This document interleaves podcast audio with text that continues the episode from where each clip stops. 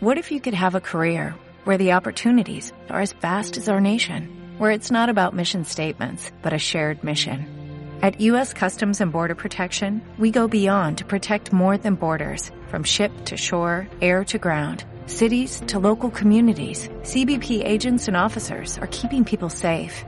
Join U.S. Customs and Border Protection and go beyond for something far greater than yourself. Learn more at cbp.gov/careers. Aquest any 2022 es celebra el centenari de les primeres línies d'autobús a Barcelona. Per celebrar-ho, TMB exposa al carrer tres autobusos antics que el passat 30 d'abril precisament varen poder veure a la Festa de la Mobilitat organitzada a la carretera d'Esplugues davant de la plaça de l'Església de Cornellà. Entre els models exhibits es trobava el Xauson Urbà 59 que tants records va portar als veïns i veïnes que es van apropar a la festa. I a la placeta del temps hem volgut convidar a un gran coneixedor de la història del transport públic i de la ciutat de Barcelona, en Ricard Fernández. Bona tarda. Hola, bona tarda. Bona tarda i benvingut a la placeta del temps. Moltes gràcies. Repassem breument el teu currículum. Ets llicenciat en Geografia Humana, historiador i cap d'arxiu de l'Arxiu Històric de Roquetes Nou Barris, ha especialitzat en història urbana i has fet de conferenciant i de guia de rutes urbanes. Ets autor d'un blog, el Tramvia 48, sobre transports barcelonins i història local de Barcelona, i autor de diversos llibres sobre la història del transport de la ciutat. I ara l'editorial F2 ha publicat el present llibre que es diu Els autobusos de Barcelona 100 anys fent xarxa. Els busos celebren això, 100 anys a Barcelona, però la presència d'iniciatives per implantar el bus a la ciutat comtal es remunten a molt abans, a l'any 1906. Iniciatives diverses que van ser aturades per la competència ferotge que en aquell moment eren els tramvies, no? Correcte, així és. és dir, de, de fet, a veure, a, que enguany es, es commemora el centenari de la primera xarxa urbana d'autobusos, la primera xarxa urbana i definitiva que, que ja, ja va venir per quedar-se a Barcelona, però sí, tenim el precedent de l'any 1906, una empresa de tartanes que es deia La Catalana, que va plantejar doncs, la possibilitat d'establir de, una xarxa d'autobusos a Barcelona doncs, veient el, el cas d'altres ciutats europees.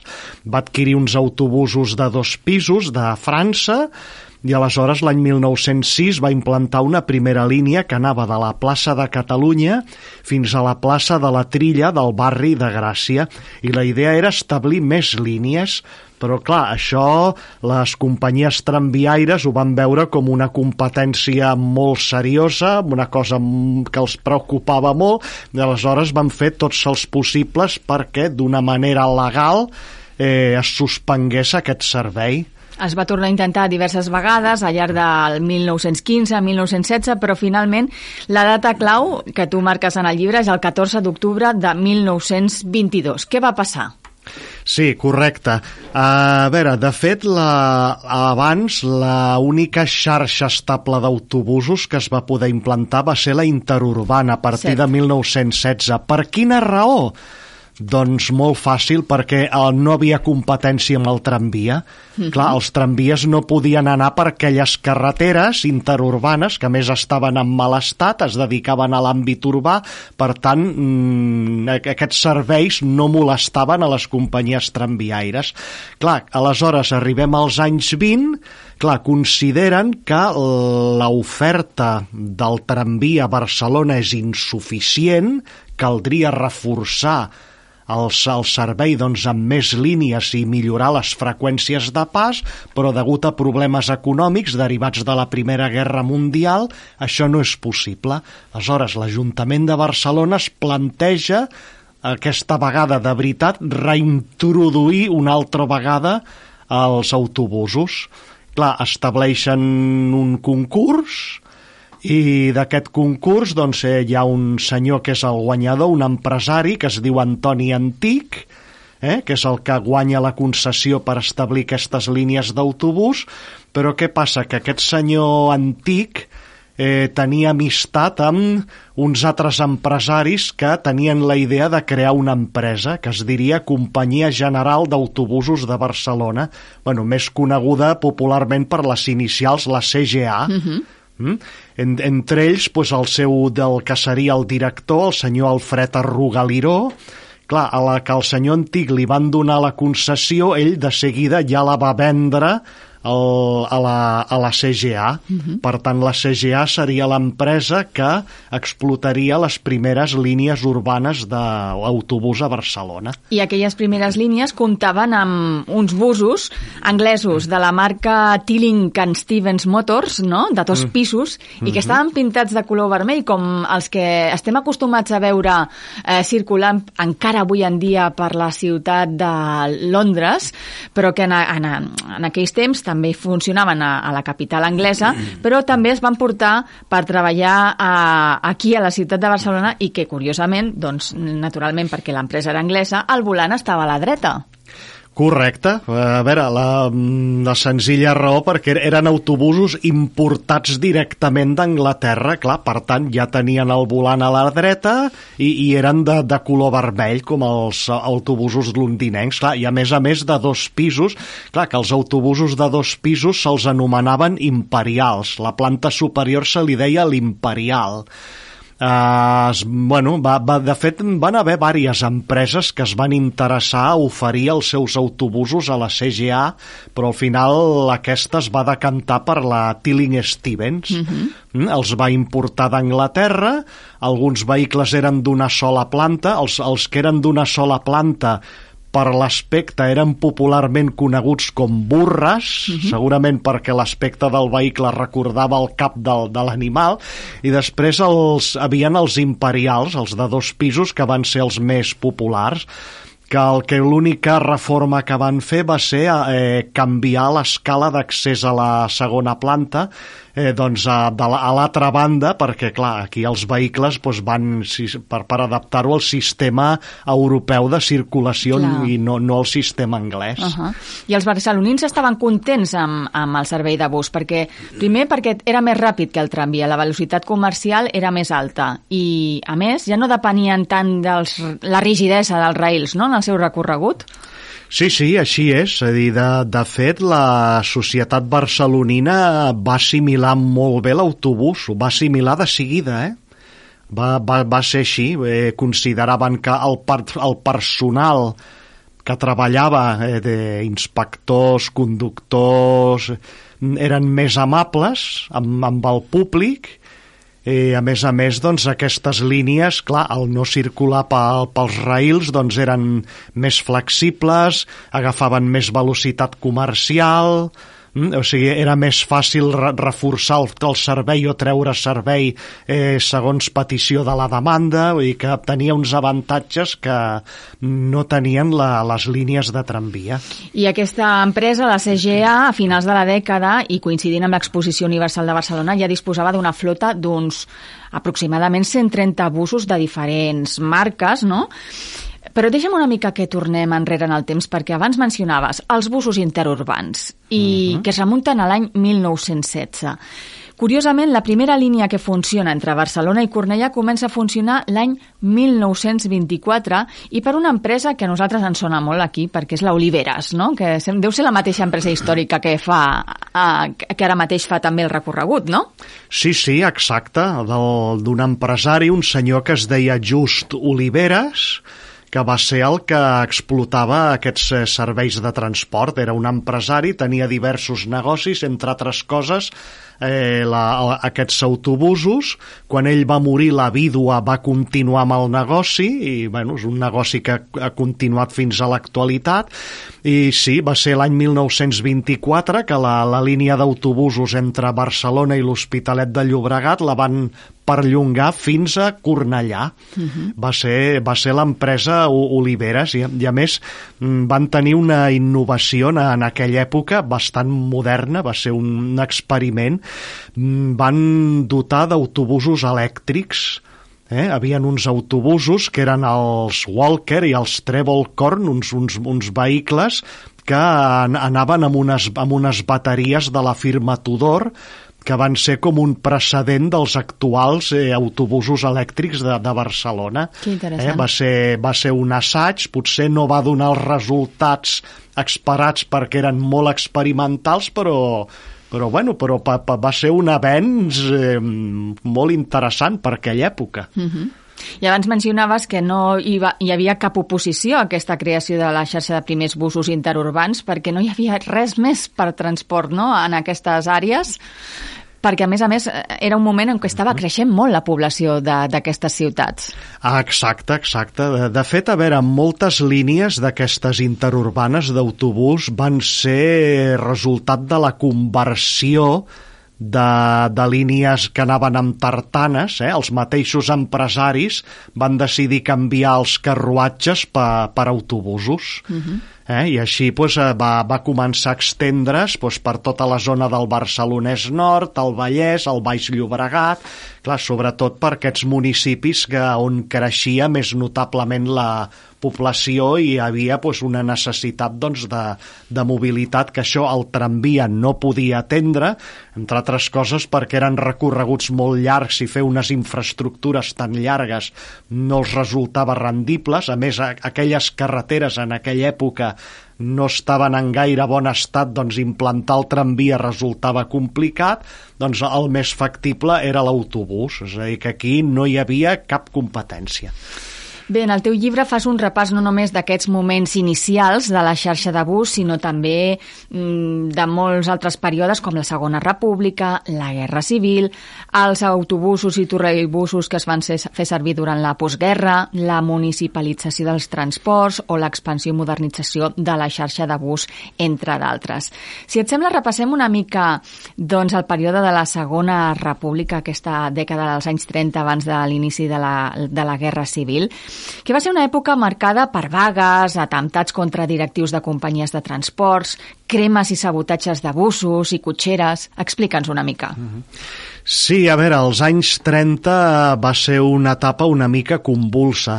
A veure, va ser una llàstima perquè va ser una època um, on la xarxa urbana estava bastant extensa per, per Barcelona, eh, tant per la CGA, que era l'empresa més monopolitzadora, podríem dir, de, de Barcelona. Després havia una empresa independent bastant forta i bastant bona per l'època pel que feia qualitat de vehicles, condicions laborals, que era Autobusos Roca, i després tot un seguit de petites empreses independents que atenien eh, els barris populars o els barris de més difícil accessibilitat, que de fet van ser un, un precedent de l'actual bus del barri, era, és a dir, eren els serveis de proximitat de l'època per la zona de Sant Andreu, Horta, el Carmel, el Coll, Cantunis, eh? és a dir, tenien per aquelles barriades que la CGA doncs, no li interessava i on el tramvia no podia endinsar-se. Clar, va ser una època convulsa, sí, de, degut a les vagues. Clar, es va acordar amb l'Ajuntament de Barcelona que el, els empleats de tramvies, autobusos, camions, de transport en general públic i, i privat, doncs hi hagués unes millores salarials. Què va passar? Que, la, que només va ser possible fer aquestes millores salarials amb els tramvies amb els autobusos o a transportistes particulars no va ser possible, per tant, aleshores aquí va, es van engegar tot un seguit de vagues, vagues que van portar doncs, també sabotatges, eh, clar, atemptats, eh, cremes de, de vehicles, eh, clar, pressions perquè eh, milloressin les condicions laborals eh, de, de, de, dels empresaris. Uh -huh. Clar, a més va ser una època també que, que clar, que s'arrossegava una mica la, una crisi econòmica arral del, del crac de 1929, clar, mmm, no podien pujar els preus de, de les tarifes. Clar, la, la gent tampoc disposava de grans recursos econòmics. Havia molt contrast entre rics i pobres què va passar? El preu dels bitllets del transport van baixar, aleshores va ser a partir dels anys 30 quan el transport públic en general, inclòs els autobusos, van passar a ser populars. Eh? perquè als anys 20 el transport públic era més de la gent que tenia major poder adquisitiu. A veure, la classe obrera preferia anar de la casa a la fàbrica a peu que no haver de pagar el bitllet d'un tramvia o d'un autobús perquè era molt car per l'època. Això a partir dels anys 30 ja es va començar a acabar i aleshores el transport públic ja va passar a ser un transport popular, més de masses. Mm -hmm. Clar, a canvi, els rics a poc a poc van deixar d'agafar l'autobús i el tramvia per agafar el cotxe particular o el taxi. Mm -hmm. I entrem en el període de la Guerra Civil Espanyola, on, malgrat es va intentar mantenir els serveis de busos, l'avenç del conflicte va obligar a suspendre'l progressivament. Què va passar? Doncs hi ha molts factors, no? Aquí explica'ns una miqueta. Sí, sí, sí, sí. Clar, a l'esclatar la Guerra Civil, clar, a la, a la veia el cop d'estat, doncs, eh, clar, eh, els sindicats el que van fer, la CNT, la CGT, va ser doncs, a, apropiar-se del, del control bueno, de, la, de les empreses, de les companyies de transport, van expulsar els antics directius i aleshores doncs, els, el, bueno, el, el, la classe obrera va ser la que es va col·locar en el seu lloc per dirigir aquestes empreses.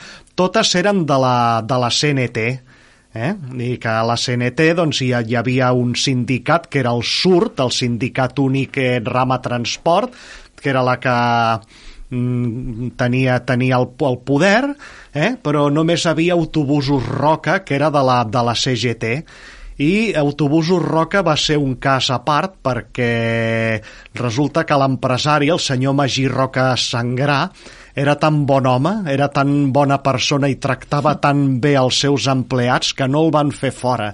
A veure, el van destituir del càrrec però no el van fer fora, el, el van respectar i el van tractar bé com un gest de, de reconeixement. Curiós. Mm -hmm. Sí, la, les altres empreses no, directament els van fer fora tots perquè consideraven que eren més, més dèspotes o més, més autoritaris. Aleshores, clar, mm, van mirar d'adoptar mesures més populars, més socials, més llibertàries de cara a l'explotació del transport, doncs, baixar preus dels bitllets, millorar les condicions salarials dels, dels treballadors i dels que cobraven més, doncs, congelar els salaris, reforçar el servei de transport, posar més freqüència de pas i sobretot una gran novetat, la incorporació de la dona, és a dir, la primera vegada que veiem conductores, inspectores, cobradores... Clar, perquè eh? molts treballadors de la xarxa de busos van haver d'anar al front i al final també amb l'abans de la guerra a la ciutat de Barcelona doncs molts busos van ser malmesos o destruïts per bombardejos, a més escassejava el combustible, els recanvis o bé requisaven els busos per tasques militars. Al final de la guerra, al 1939, expliques al llibre que els darrers busos es van fer servir per portar la gent a l'exili. Sí, així va ser. Els vehicles que estaven en bon estat per circular, sí, sí, van, els van fer servir doncs, de, de camí cap a França, fossin de la CGA o fossin de qualsevol altra empresa, els que estiguessin en bon estat. Uh -huh. Eh? Fins i tot alguns dels autobusos imperials el que van fer va ser serrar-los i a l'Imperial els hi van tallar al segon pis, segurament perquè així circulaven més ràpid i més lleugers per la, per la carretera, i sí, i molts doncs, de, van portar gent que, que es va exiliar, que anaven de, de camí cap a França, és a dir, va ser un material mòbil que ja ja es va perdre definitivament, però que va fer aquest últim servei durant el mes de gener de, ja de l'any 1939 abandonant Barcelona. Després de la guerra, el nombre de línies de busos era insignificant primer per la manca de carburants i moltes persones havien de desplaçar-se a peu a la feina, al treball, a l'escola. Únicament es va permetre la funciona el funcionament d'algunes línies que es consideraven com imprescindibles, que no es podien substituir, oi? Sí, així, així va ser. A veure, a la, a la postguerra, doncs clar, hi, hi mancaven recanvis, de, de molts vehicles, entre altres coses perquè eren marques estrangeres i hi havia un bloqueig degut a la guerra. Clar, no havia recanvis, per tant algunes peces es van haver de fabricar de manera artesanal o a vegades es feien reconstruccions d'autobusos utilitzant dos, tres autobusos en ferralla, fer-ne un de nou, i bueno, es van fer diferents experiments de reconstruccions i de recarrossats per tenir un mínim de material mòbil en circulació. I van haver algunes línies d'autobús que, que sí, que van ser les que van circular a la postguerra, molt, molt poques, eh? Algunes interurbanes, per exemple, i d'urbanes, doncs, algunes més fonamentals que creuaven la ciutat, però no, no es va poder fer eh, gran cosa més. El, davant de la manca de, de combustible, la primera solució va ser substituir els motors de gasoil per motor de gasogen. De gasogen. I també mm, l'aparició dels troleibús, no? Que funcionaven amb com? Amb una catenària, no? Com els tramvies. Sí, sí, correcte. Clar, el troleibús, clar, si avui dia l'implantarien per, per qüestions mediambientals, com sí. un mitjà de transport net, uh -huh. com l'autobús elèctric. En aquella època no, no, no era per qüestions mediambientals, senzillament perquè era, era l'únic recurs energètic que, que havia i era el que permetia doncs, restituir una mica doncs, la, la xarxa d'autobusos a Barcelona. Eh? I eren uns vehicles que sí, que funcionaven igual que el tramvia, és a dir, amb una pèrtiga eh, connectaven el cable aeri, la, la catenària, i prenien la corrent, doncs, al igual que els tramvies, però sense, sense, sense els raïls. I els primers troleibusos van ser antics autobusos de la, de la CGA dels anys 20, que, que es van reaprofitar i es van reformar i es van reconvertir en, en troleibusos. Mm -hmm.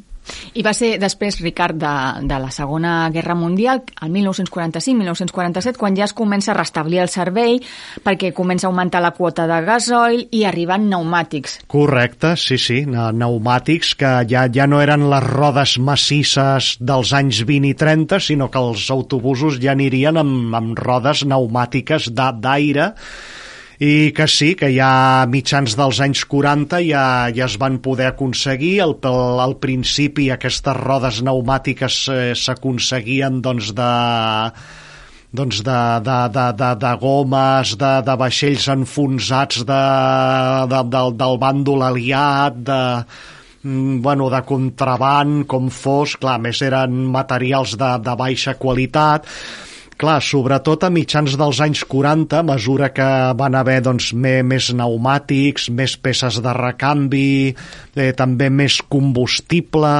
eh, es van adquirir d'Anglaterra també una altra vegada, com es va fer als anys 20, autobusos anglesos, Eh? Es, eh, alguns es van importar, d'altres eren els xassis i es van construir aquí.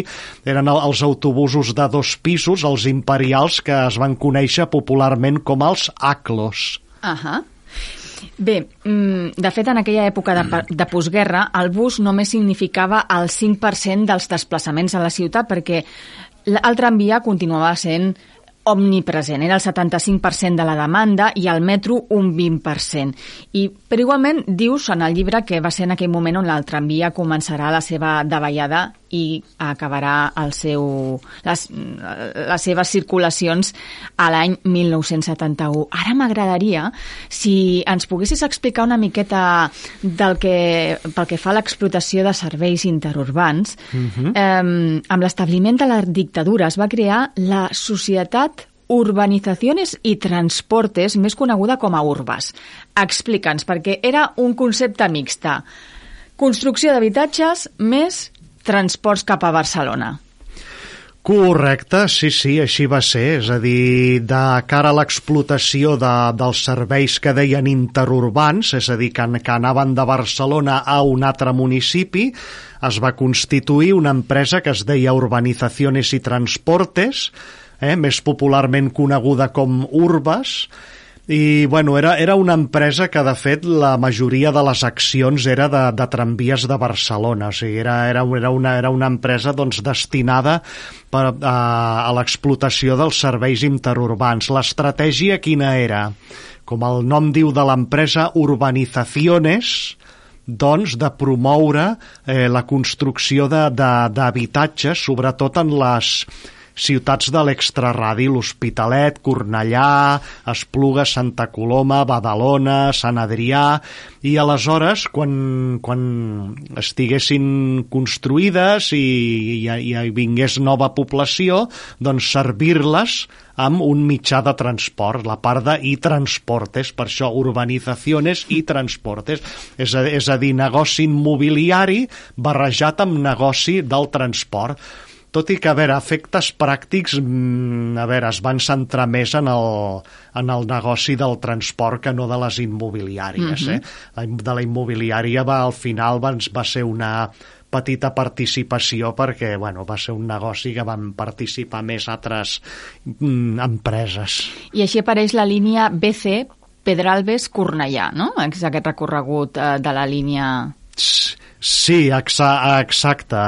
A veure, que va ser l'any 1947, va ser la, la línia BC, mm, que, anava, que anava sí, de, de Pedralbes a Cornellà, que després es va anar perllongant successivament fins, fins, fins més cap al, cap al centre de, de Barcelona i bueno, sí, va al, anys 40 i 50 doncs eh, sí, va ser una època que progressivament, d'una manera lenta per això doncs, van anar proliferant més serveis interurbans però clar, va ser a partir dels anys 60 quan eh, amb el, ja amb, amb el període que, que s'anomena popularment el desarrollisme quan el nombre de línies interurbanes va proliferar i es va extendre d'una manera més forta, de manera que Urbes ja predominava en tot el que és la primera corona metropolitana de Barcelona. Mm -hmm.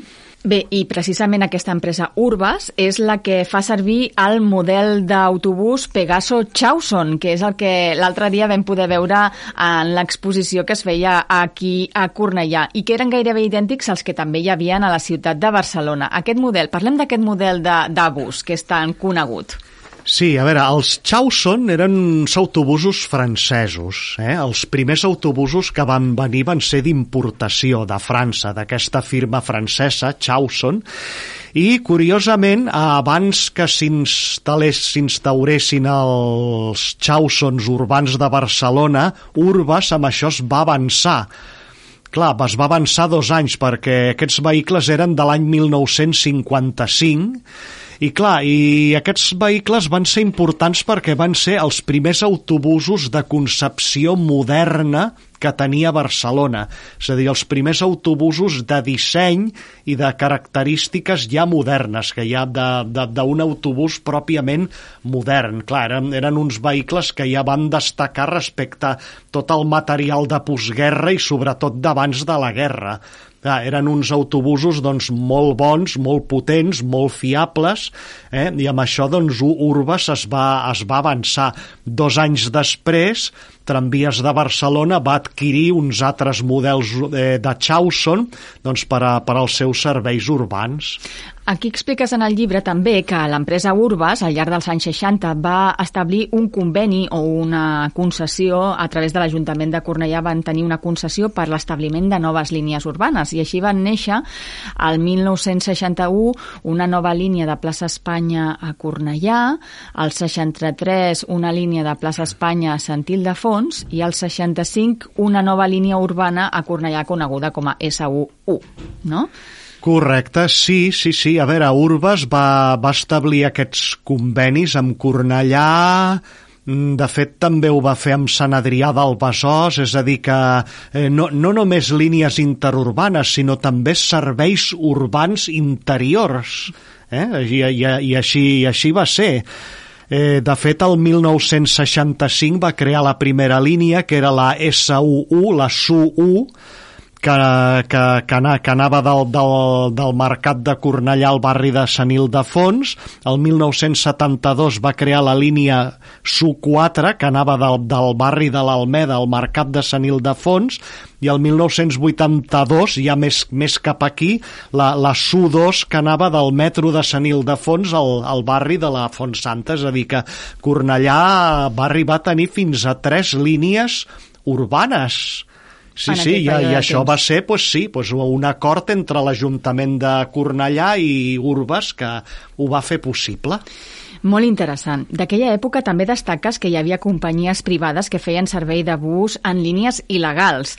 Feien un mateix recorregut diari, però les parades no estaven senyalitzades ni amb pals de parada o marquesines i en algun cas eh, eren autobusos que connectaven Cornellà amb Barcelona o amb Zona Franca, oi? Sí, eh, bàsicament eren els transports que anaven al polígon de la zona franca. Eh, clar, era, era l'època que es va acabar de, de construir, consolidar com una nova economia d'aglomeració, la, la zona franca de Barcelona. Clar, no hi havia transport públic per arribar, clar, aleshores van haver unes empreses particulars que el que feien era doncs, flatar els seus propis autobusos entre Cornellà, Hospitalet, eh, al nord de Sant Andreu, Santa Coloma, de, de, de Gramenet, eh, eren uns autobusos llançadera que anaven fins al polígon de la zona franca. Clar, això l'Ajuntament de Barcelona, clar, de seguida es va donar compte, Transports de Barcelona també, clar, van, van protestar, van dir que, que això era com una competència deslleial, clar, i aleshores el que es va acabar fent va ser suprimir eh, aquest, aquests eh, autobusos pirata, diguem, perquè, clar, a més, a més eren sense concessió municipal, és a dir, que a sobre no, no eren legals, i aleshores eh, Transports de Barcelona el que va fer va ser eh, establir els seus eh, propis autobusos especials de, doncs, pensats per, per tota aquesta gent treballadora que, que anessin a, a la zona franca i també en particular a, a Mercabarna. Mm -hmm. I bé, per acabar una mica la història d'aquesta empresa Urbas, eh, poc abans de la transició de, de la mort de Franco, el 72 és absorbida i desapareix, justament en el moment en què tenia més línies en marxa, que estaven en el seu màxim esplendor, no? que tenien 27 línies de busos, oi? Sí, així és. A veure, de fet, Urbas no deixava de ser de, de, de transports de Barcelona, pel que fa a nombre... Mm -hmm. A veure, era, era com una empresa d'ells però sí, ja arribats als anys 70 eh, veuen que, que el negoci del transport interurbà va molt bé, és molt rendible, eh, té molt, molts usuaris, clar, hi ha línies d'autobús que interurbanes, d'urbes, que fins i tot tenen autobusos articulats, és a dir, hi ha línies de gran afluència, bueno, entre elles la, les de Cornellà, la BC, la, la BI, la, la, la CO, que anaven de Barcelona a Cornellà, anaven amb vehicles articulats, és a dir, eren de molta afluència, clar, llavors Transports de Barcelona el que fa és eh, dissoldre aquesta, aquesta societat i el que fa és eh, que passen a explotar directament ells aquestes línies eh, suburbanes eh? i això doncs, bueno, no, no afecta els treballadors que, que de fet continuen treballant en aquestes línies, però senzillament que ja directament passen a dependre de, de Transports de Barcelona, és a dir, fan com una assimilació d'aquestes línies de l'extraradi. I amb l'arribada de la transició acabem aquesta entrevista, que ha volgut ser un repàs d'una part del llibre Els autobusos de Barcelona 100 anys fent xarxa de Ricard Fernández de l'editorial F2. Ricard, quin plaer ha estat parlar amb tu de, de la història dels transports perquè eh, està claríssim que, que estàs empapat, eh? que al llarg de tota la teva vida t'has dedicat a l'estudi de no només als autobusos, sinó de tot, no? una miqueta, t'agrada molt el, el, el, qualsevol altre transport que hagi circulat al llarg d'aquests eh, aproximadament segle i mig no? a la ciutat de Barcelona, doncs tu el coneixes en detall, oi? Sí, sí, sí, la veritat és que sí. A veure, la meva afició em ve des de molt petit, des que era un nen que ja ja tenia entre 3 i 5 anys i em fixava amb els autobusos, amb, el, amb els trens de, del metro, i era una cosa que gairebé em ve de, de, de naixement. I sí, sempre m'ha agradat la història dels transports de Barcelona, de, de, de, bueno, de conèixer els vehicles, els models, i, i clar, a més a més, doncs, a veure, tot, tot, tothom ha tingut conegut una línia d'autobús o, o ha conegut uns vehicles de transport que han format part de la seva vida i que, i que, i que han estat un, un referent, doncs a mi també m'ha passat i, i, i cada, cada generació ha tingut la, els seus serveis de transport i, i, i els seus vehicles doncs, que han estat símbols de, una època. Doncs moltes gràcies, Ricard, per haver-nos ajudat a fer aquest repàs de la història i més concretament de la història dels transports de vehicles als busos que han circulat per les carreteres de la ciutat de Cornellà i t'agraïm que hagis acceptat aquesta proposta de Ràdio Cornellà i fins a la propera. Moltes gràcies a vosaltres per haver-me convidat, un plaer, i sempre a la vostra disposició. Join us today during the Jeep Celebration event. Right now, get 20% below MSRP for an average of 15178 under MSRP on the purchase of a 2023 Jeep Grand Cherokee Overland 4xE or Summit 4xE. Not compatible with lease offers or with any other consumer incentive offers. 15,178 average based on 20% below average MSRP from all 2023 Grand Cherokee Overland 4xE and Summit 4xE models in dealer stock. Residency restrictions apply. Take retail delivery from dealer stock by 4-1. Jeep is a registered trademark.